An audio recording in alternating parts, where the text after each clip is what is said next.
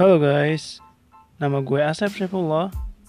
Uh, gue sekarang lagi sibuk sebagai relawan gugus tugas percepatan COVID-19 cabang Jakarta Selatan. Nah, apa aja sih kegiatannya?